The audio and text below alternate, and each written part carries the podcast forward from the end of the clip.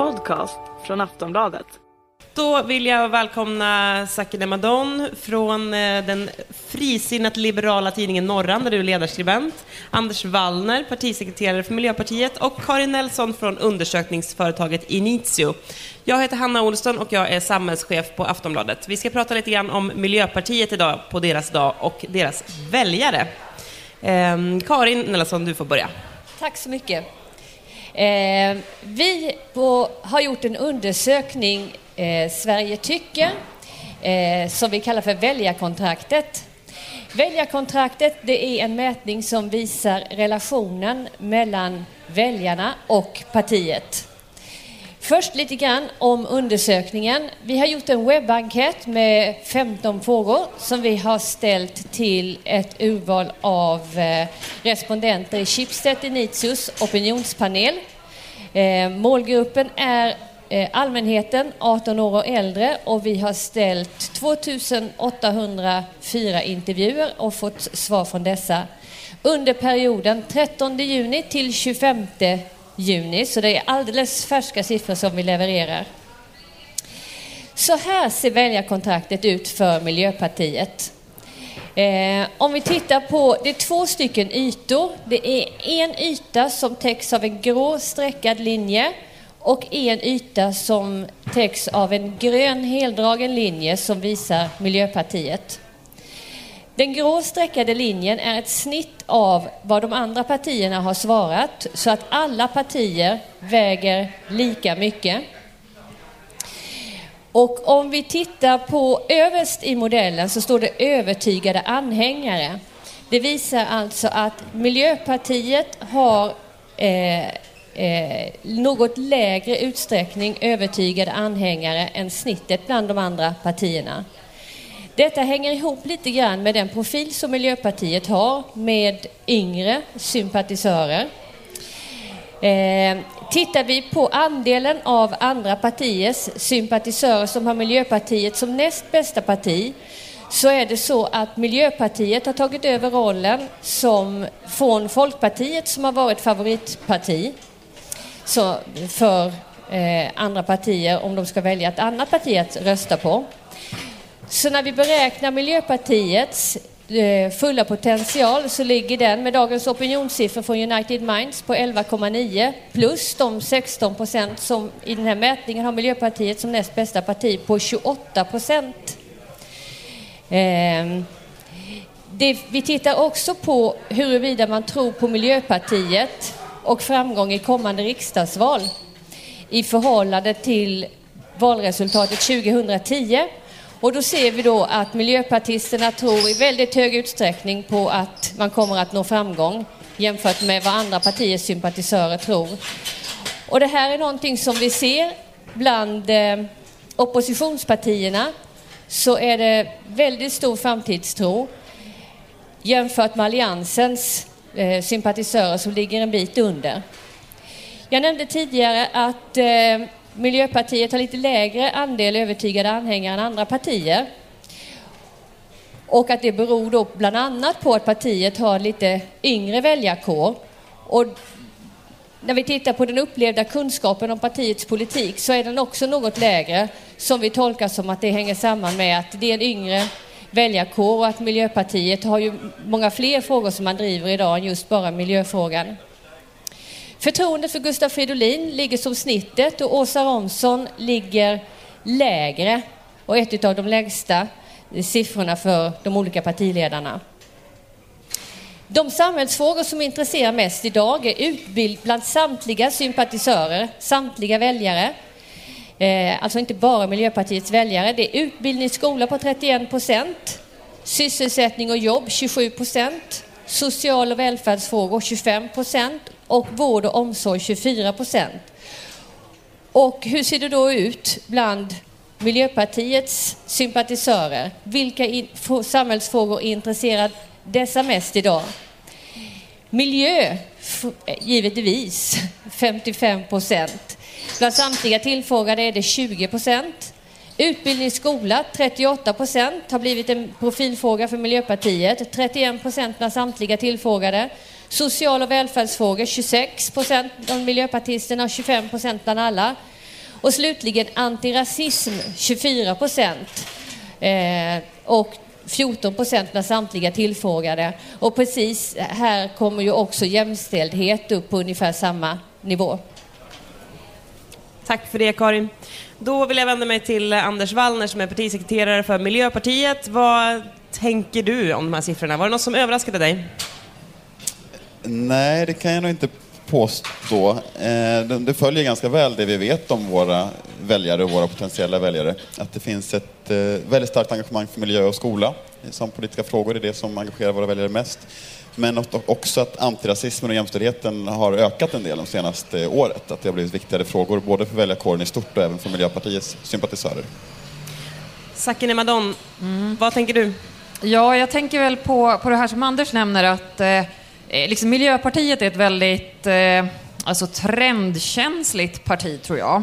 I och med att det är väldigt många unga som också är engagerade i partiet eh, så märks det just, har det varit diskussioner om antirasism eller, eller feminism så dyker det upp väldigt snabbt. Jag menar, ni hade något partievent efter Europaparlamentsvalet när det hade gått väldigt bra för Fi och genast såg vi att liksom, ni ville ha en en feministisk revolution på tröjorna och sådär. Så, det är väldigt, väldigt trendkänsligt och det märks ju också här. Faktiskt. Vad, ett svar på det? Nej, men det smickrande. Vi har fått en fråga tidigare under Almedalsveckan hur det kom sig att vår kongress var så fokuserad på jämställdhet precis efter EU-valet. Och det är ju smickrande att, att se att många tror att man så snabbt kan ställa om en organisation att man eh, hakar på en fråga som har dykt upp i en vecka innan. Eh, men jämställdhet är en fråga som, som alltid har varit väldigt högt i de, de här siffrorna på vad som engagerar miljöpartister och vad som också eh, vad som är de viktigaste frågorna för de som är engagerade i partiet. Nu har vi inte pratat många minuter innan vi har nämnt Fi, så jag tänkte att Karin Nelson får jämföra eh, sympatisörerna lite grann mellan Miljöpartiet och Fi. Det gör jag gärna när jag får en mick. Eh, vi kan väl gå tillbaka och titta lite grann på Miljöpartiet. Eh, själva väljarkontraktet. Om vi tittar på FIs anhängare och profilen på FI så är det i många stycken väldigt lik Miljöpartiets väljare. Men man har en högre andel övertygade eh, anhängare. Och, och, och, med det följer också att man, har, man känner att man har en eh, eh, mycket högre upplevd kunskap om partiets politik. Och jag tolkar det som att det är eh, Fi, det är ett enfrågeparti och då är det lättare också att ha kunskap om partiets politik. Eh, nej men det är så, vi ligger, jag tror vi ligger bland de lägsta av alla partier på det här med övertygade väljare. Och för mig är det någonting ganska fint. Att vi vet att oavsett ålder så är miljöpartiväljare är väljare som inför varje val bestämmer sig vilket parti ska jag rösta på baserat på vilka frågor partierna driver. Man röstar inte baserat på gammal vana och lojalitet. Man baserar inte sin röst på på eh, personfrågor utan vilka frågor driver partiet. Och jag tycker att det är ett ganska sunt väljarbeteende och jag är stolt över att vi i, lyckas få valframgångar när man har så eh, få övertygade anhängare är ju ett gott betyg för hur vi bedriver valrörelser. Håller du med om att det är sunt, Sakine? Ja, men det kan jag väl ändå göra. Jag tycker det är ganska... Ja, men det är sunt att väljarna faktiskt är otrogna och, och tänker självständigt. Jag gillar det. Eh, att liksom alla inte går och röstar efter tradition. I Västerbotten, där jag jobbar, så är det fortfarande väldigt mycket tradition. Men då protesterar man istället mellan valen och, och kräver folkomröstningar och så. Hittar liksom ventiler för att ja, visa missnöje på det sättet. Så att jag, jag gillar ju det här att man faktiskt tänker kritiskt inför varje val och faktiskt straffar sitt parti då och då om, om partiet förtjänar det, till exempel. Men eh, jag måste också säga att jag är inte så förvånad över att Miljöpartiet tar över den här rollen som Eh, alltså när man frågar folk, ja ditt näst, eh, eller vilket parti skulle du rösta på om, du inte, om det inte är första valet, så är Miljöpartiet ett liksom, ja, andrahandsalternativ idag. Ehm, det förvånar mig inte för att Miljöpartiet är så, alltså det är väldigt svårt att ogilla Miljöpartiet. Eh, det är nästan som så här klassens gullegris. Eh, jag menar, till och med jag har röstat på Miljöpartiet någon gång. Alltså det, det känns som alla kan tänka sig att göra det. Och Eh, alltså, om man får vara lite elak så kan man ju också säga att det beror lite på... Ah, alltså, det är inga svåra strider man tar heller. Eh, jag menar, vem är emot miljön? Och sen tror jag också en faktor som också spelar in, det är att faktiskt vi i journalistkåren eh, också gullar en hel del med Miljöpartiet. Tittar man på statistik över var journalister bor så ser man ett tydligt samband. Där väldigt många människor röstar på Miljöpartiet i valdistrikten, där bor också väldigt många journalister. Ehm, så att ehm, jag är inte så förvånad över att det går väldigt, väldigt bra för Miljöpartiet, men, men det finns också ganska logiska förklaringar till det. Utöver att ni faktiskt tar i frågor som väljarna uppenbarligen engagerar sig i. En reaktion på det, är ni ett ofarligt parti? Det är Fredrik Wikingsson som har sagt någon gång att eh, när man ligger på sin dödsbädd och någon frågar vad man röstat på, och om man säger Miljöpartiet så är det ingen som blir sur i alla fall. Alltså på det sättet ett, ett, eh, kan vara ett ganska oförargligt val för många. Och eh, det är ju en, en position som inte är helt eh, tråkig. Alltså det är inte helt negativt att vara där. Faran är om man fastnar i att vara ett andrahandsval, att ha en väldigt hög potential men all, inte växa i valen och, och, eh, och eh, växa hållbart och bli ett större parti. Det kan ju vara tråkigt. Och det är ju förstås så att på sikt skulle jag gärna se att Miljöpartiet hade något fler övertygade anhängare som kände att ja, men jag har ideologiskt hittat till Miljöpartiet. Men, eh, men, eh, men som sagt, det är sunt att vi har människor som väljer oss på våra egna meriter. Däremot det här med, med gullande och att vi inte väljer några svåra strider. Det finns väl ett antal frågor där jag känner att vi, det är svårt att anklagas för populister. Särskilt om man jobbar i de norra delarna av Sverige, där jag också kommer ifrån. Och de kopplingar som finns till Miljöpartiet där, att vi står upp för att, att eh, det ska kosta att släppa ut eh, miljöskadliga utsläpp till exempel, och olika modeller för, för den politiken. Men så, så är ni också ganska svaga i norr. Ja, fast vi gick fram väldigt mycket. Nu i valet mm. så fanns det rätt stora delar av, även av norra Sverige, där vi var näst största parti. Så att jag... Eh, alltså det, det finns en myt om att, att Miljöpartiet skulle vara ett populistiskt parti och inte ta några svåra frågor. Det finns ingen som är emot de frågorna som Miljöpartiet är för. Men tittar man på de konkreta sakfrågorna så är det ju just i de frågorna, för och emot eh, grön omställning, där det ju finns ett, eh, ett, ett riv i de frågorna också. Mm, mm. Eh, ja, eh, jo men du, alltså till viss del kan jag väl hålla med, men det, på något sätt är det ju liksom Alltså avsändaren också som gör, skapar laddningen i olika frågor. När, när ni är för fri rörlighet till exempel, så är det knappt någon som bryr sig. Man tänker, ja ja, men Miljöpartiet, de är ungdomliga och de är visionära och sådär. Men när ett eh, liksom, lite, eh, ja, folkrörelseparti med liksom bonderötter tar i en sån fråga så blir det ett väldans rabalder. Så att eh, mycket beror lite på alltså, hur väljarna också upplever er som parti. Eh, och därigenom så, och det är inte ert fel, men det känns ganska harmlöst när ni kommer med även kontroversiella förslag ibland. Eh, men en sak apropå det här med, med potentialen så tror jag att eh, eh, Alltså om jag får se det lite utifrån Miljöpartiet utifrån ett liberalt perspektiv så tror jag att under, alltså för kanske ja, två år sedan eller ännu längre bak i tiden så var det nog många liberaler som ändå liksom sneglade på Miljöpartiet och tänkte att ja men och det är nog väldigt många också som uppskattar samarbetet med Alliansen i frågor om migrationspolitiken till exempel. Eh, men eh, på sistone så eh, känns Miljöpartiet mer och mer och mer som ett liksom grönrött Eh, ja, ah, definitivt ett vänsterparti, men väldigt nära Socialdemokraterna. Så där, eh, jag tror att potentialen att växa finns då framförallt vänsterut, inte särskilt mycket högerut nu. Men förr så sa man ju att Miljöpartiet var för folk som, eh, som trodde att de var vänster men var höger. Ehm, och så tror jag inte riktigt att det är längre. Om man ser också de här, eh, de här toppfrågorna för sympatisörerna så är det ju ganska mycket vänsterfrågor. Vad tänker du om den eh, debatten? Jag vet ju att ni vägrar eh, säga att ni är höger eller vänster. Jag tror att det säger väl också ganska mycket om, alltså vi har ju liksom progressiva väljare som vill ha förändring och har man haft en högerregering i åtta år så är det ganska naturligt att våra väljare Eh, vill ha en förändring och då positionera sig mot den politik som har förts. Och det är också så att man kan också se att, att frågor som, det finns ju vissa frågor eh, där, eh, som har en liberal positionering som den här regeringen har genomfört. Vilket gör att om man ser på Miljöpartiets program på sin helhet så finns det saker där vi har stått och kunnat samarbeta med de liberala partierna där regeringen faktiskt har gjort saker de senaste åtta åren. Medan saker där vi har mer gemensamt med Socialdemokraterna har det kanske inte hänt saker. Och det gör ju att i en valrörelse då när en borgerlig regering efter åtta år ska utvärderas och man ska titta på vad kan komma efteråt så är det naturligt tycker jag att, att det framstår förstås som att vi har mer gemensamt med Socialdemokraterna än med Alliansen, för det är också så i praktiken. Att vi har idag mer sakpolitiskt gemensamt med Socialdemokraterna än med Alliansen. Samtidigt, om man har följt era partikongresser de senaste åren så har det ju Alltså det är en intressant skillnad eh, i, en, i en ganska liksom, viktig värderingsfråga i svensk politik. När det kommer till till exempel eh, alltså, eh, olika valfrihetsalternativ inom, inom skolans värld eller vinst i välfärden. Alltså den frågan, där har ni ju svängt åt, åt vänster. Ehm, och det, så det är ju liksom inte bara det att ja, Alliansen har haft makten länge och därför liksom måste vi kritisera dem, utan det har ju hänt saker även inom Miljöpartiet i olika frågor. Ni positionerar er en aning mer åt vänster idag än för några år sedan.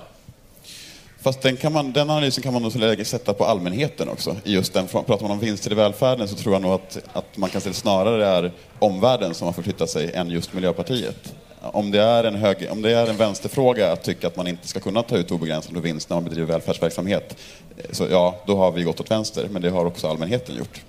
Men det är lite mer än så. Det är ju retoriken kring, alltså lyssnar man på era partikongresser förr så nog har ni alltid haft en falang som är emot liksom, ja, friskolor eller ja, olika alternativ inom skolans värld. Men, eh, men idag så låter retoriken väldigt mycket annorlunda, tycker jag i alla fall. Vi kan gå över till eh, förtroendesiffrorna. Åsa Romson har ju tillsammans med Annie Lööf eh, bland de lägsta förtroendesiffrorna. Är det ett problem för er?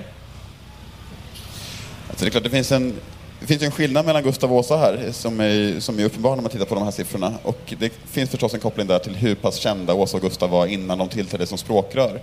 Eh, sen finns det definitivt också en könsaspekt, att människor är mer vana att se eh, manliga politiker och man får automatiskt ett förtroende med sig som manlig politiker som man som kvinna måste bevisa sig till i större utsträckning. Jag är helt övertygad om att det kommer hända saker. Det har hänt saker de senaste månaderna bara för Åsas förtroendesiffror. Jag tror också det kommer hända mycket i valrörelsen. Jag tror människor kommer att uppskatta att det finns en partiledare som har doktorerat och som har den tunga trovärdigheten i miljöfrågor. Och det kom också en mätning häromdagen, häromveckan om förtroendet för Åsa som just miljöminister till exempel, där hon utklassar alla andra personer i den mätningen. Så jag tror att eh, i och med att vi också den här gången är ganska tydliga med vilka områden våra språkrör vill ta ansvar för nästa regering, så innebär det också ett sätt att kunna visa för väljarna att här har vi språkrör som vill eh, arbeta med de här frågorna. Och det tror jag kan ge ett uppsving för också tryggheten i att rösta på Miljöpartiet och se vad kommer de att bidra med i en regering. Det finns ju en som tydligt bryter det här mönstret, könsmönstret som vi pratade om. Eh, och det är Gudrun Schyman som har högst förtroende av alla. Alltså bland sina egna sympatisörer. Ja, det jag tänkte väl. eh, ja, det är ganska intressant. Alltså Gudrun är ju, hon är ju en väldigt, väldigt speciell politiker, men hon har ju just det här som eh, alltså förklarar Romsons siffror delvis, det här med att hon inte är särskilt känd. Eh, Gudrun är ju väldigt, väldigt känd.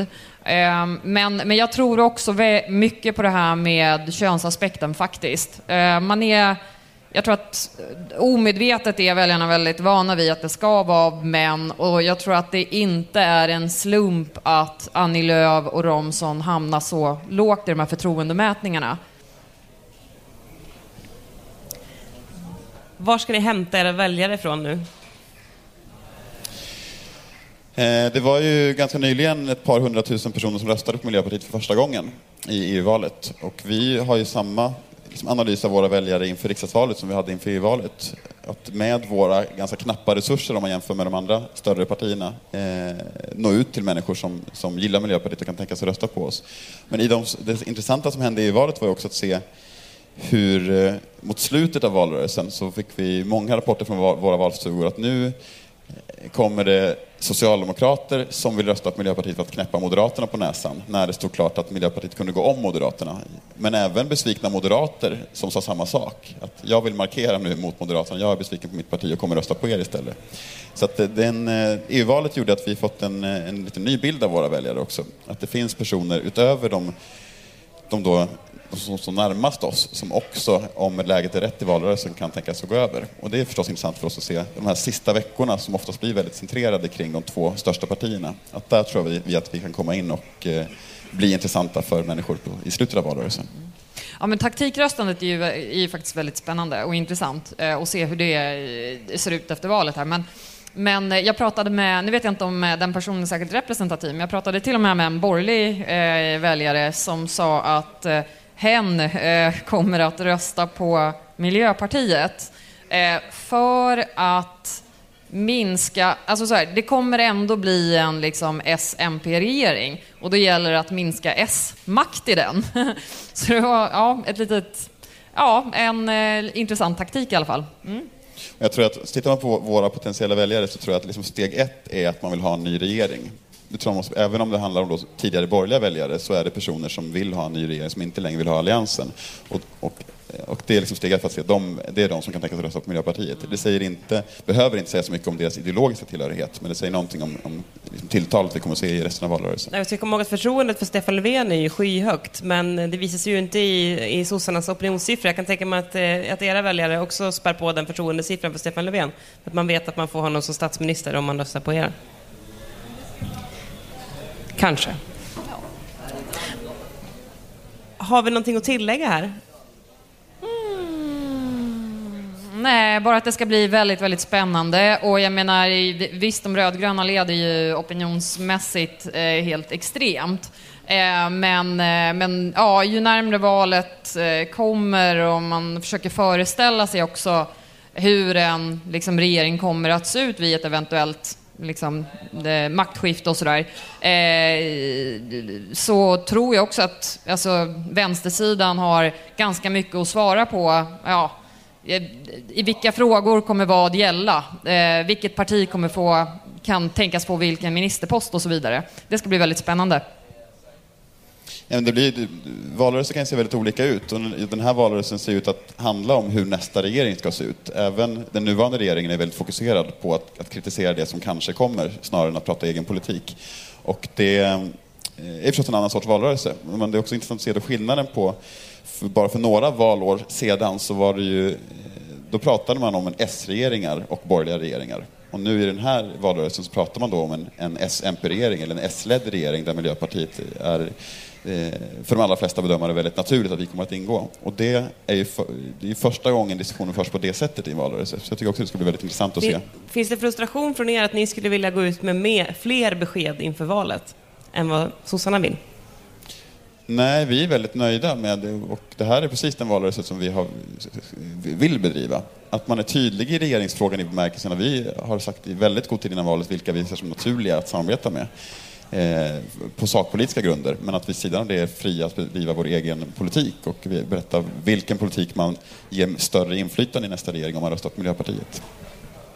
Eh, men Miljöpartiet har ju alltid varit det här partiet som, eh, ja, inte är ett av de här stora blockpartierna. Eh, och ett parti som man ändå ser som väldigt så här, ideologiskt och visionärt och ändå håller fast vid olika principer. Jag menar, diskuterar man arbetskraftsinvandring och så, så har ni väldigt starka företrädare som genast liksom markerar om Urban Ahlin eh, liksom svajar lite på, på orden och sådär.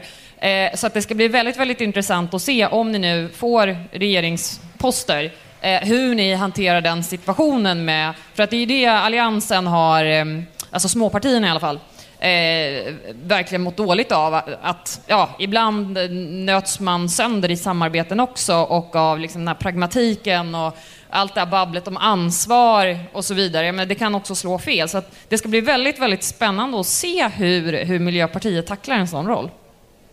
Mm. Det får framtiden kanske utvisa. Tack så hemskt mycket Karin Nelson från undersökningsföretaget Initio, Anders Wallner, partisekreterare i Miljöpartiet och Sakine Madon som är ledarskribent på frisinnade liberala tidningen Norran i Skellefteå. Jag heter Hanna Olsson och jag är samhällschef på Aftonbladet och vi är tillbaka här igen imorgon bitti klockan nio. Men häng kvar i tältet för här händer det grejer hela dagen. Jag ser att redan klockan tio så kommer Maria Arnholm hit och blir intervjuad. Tack för att ni har lyssnat.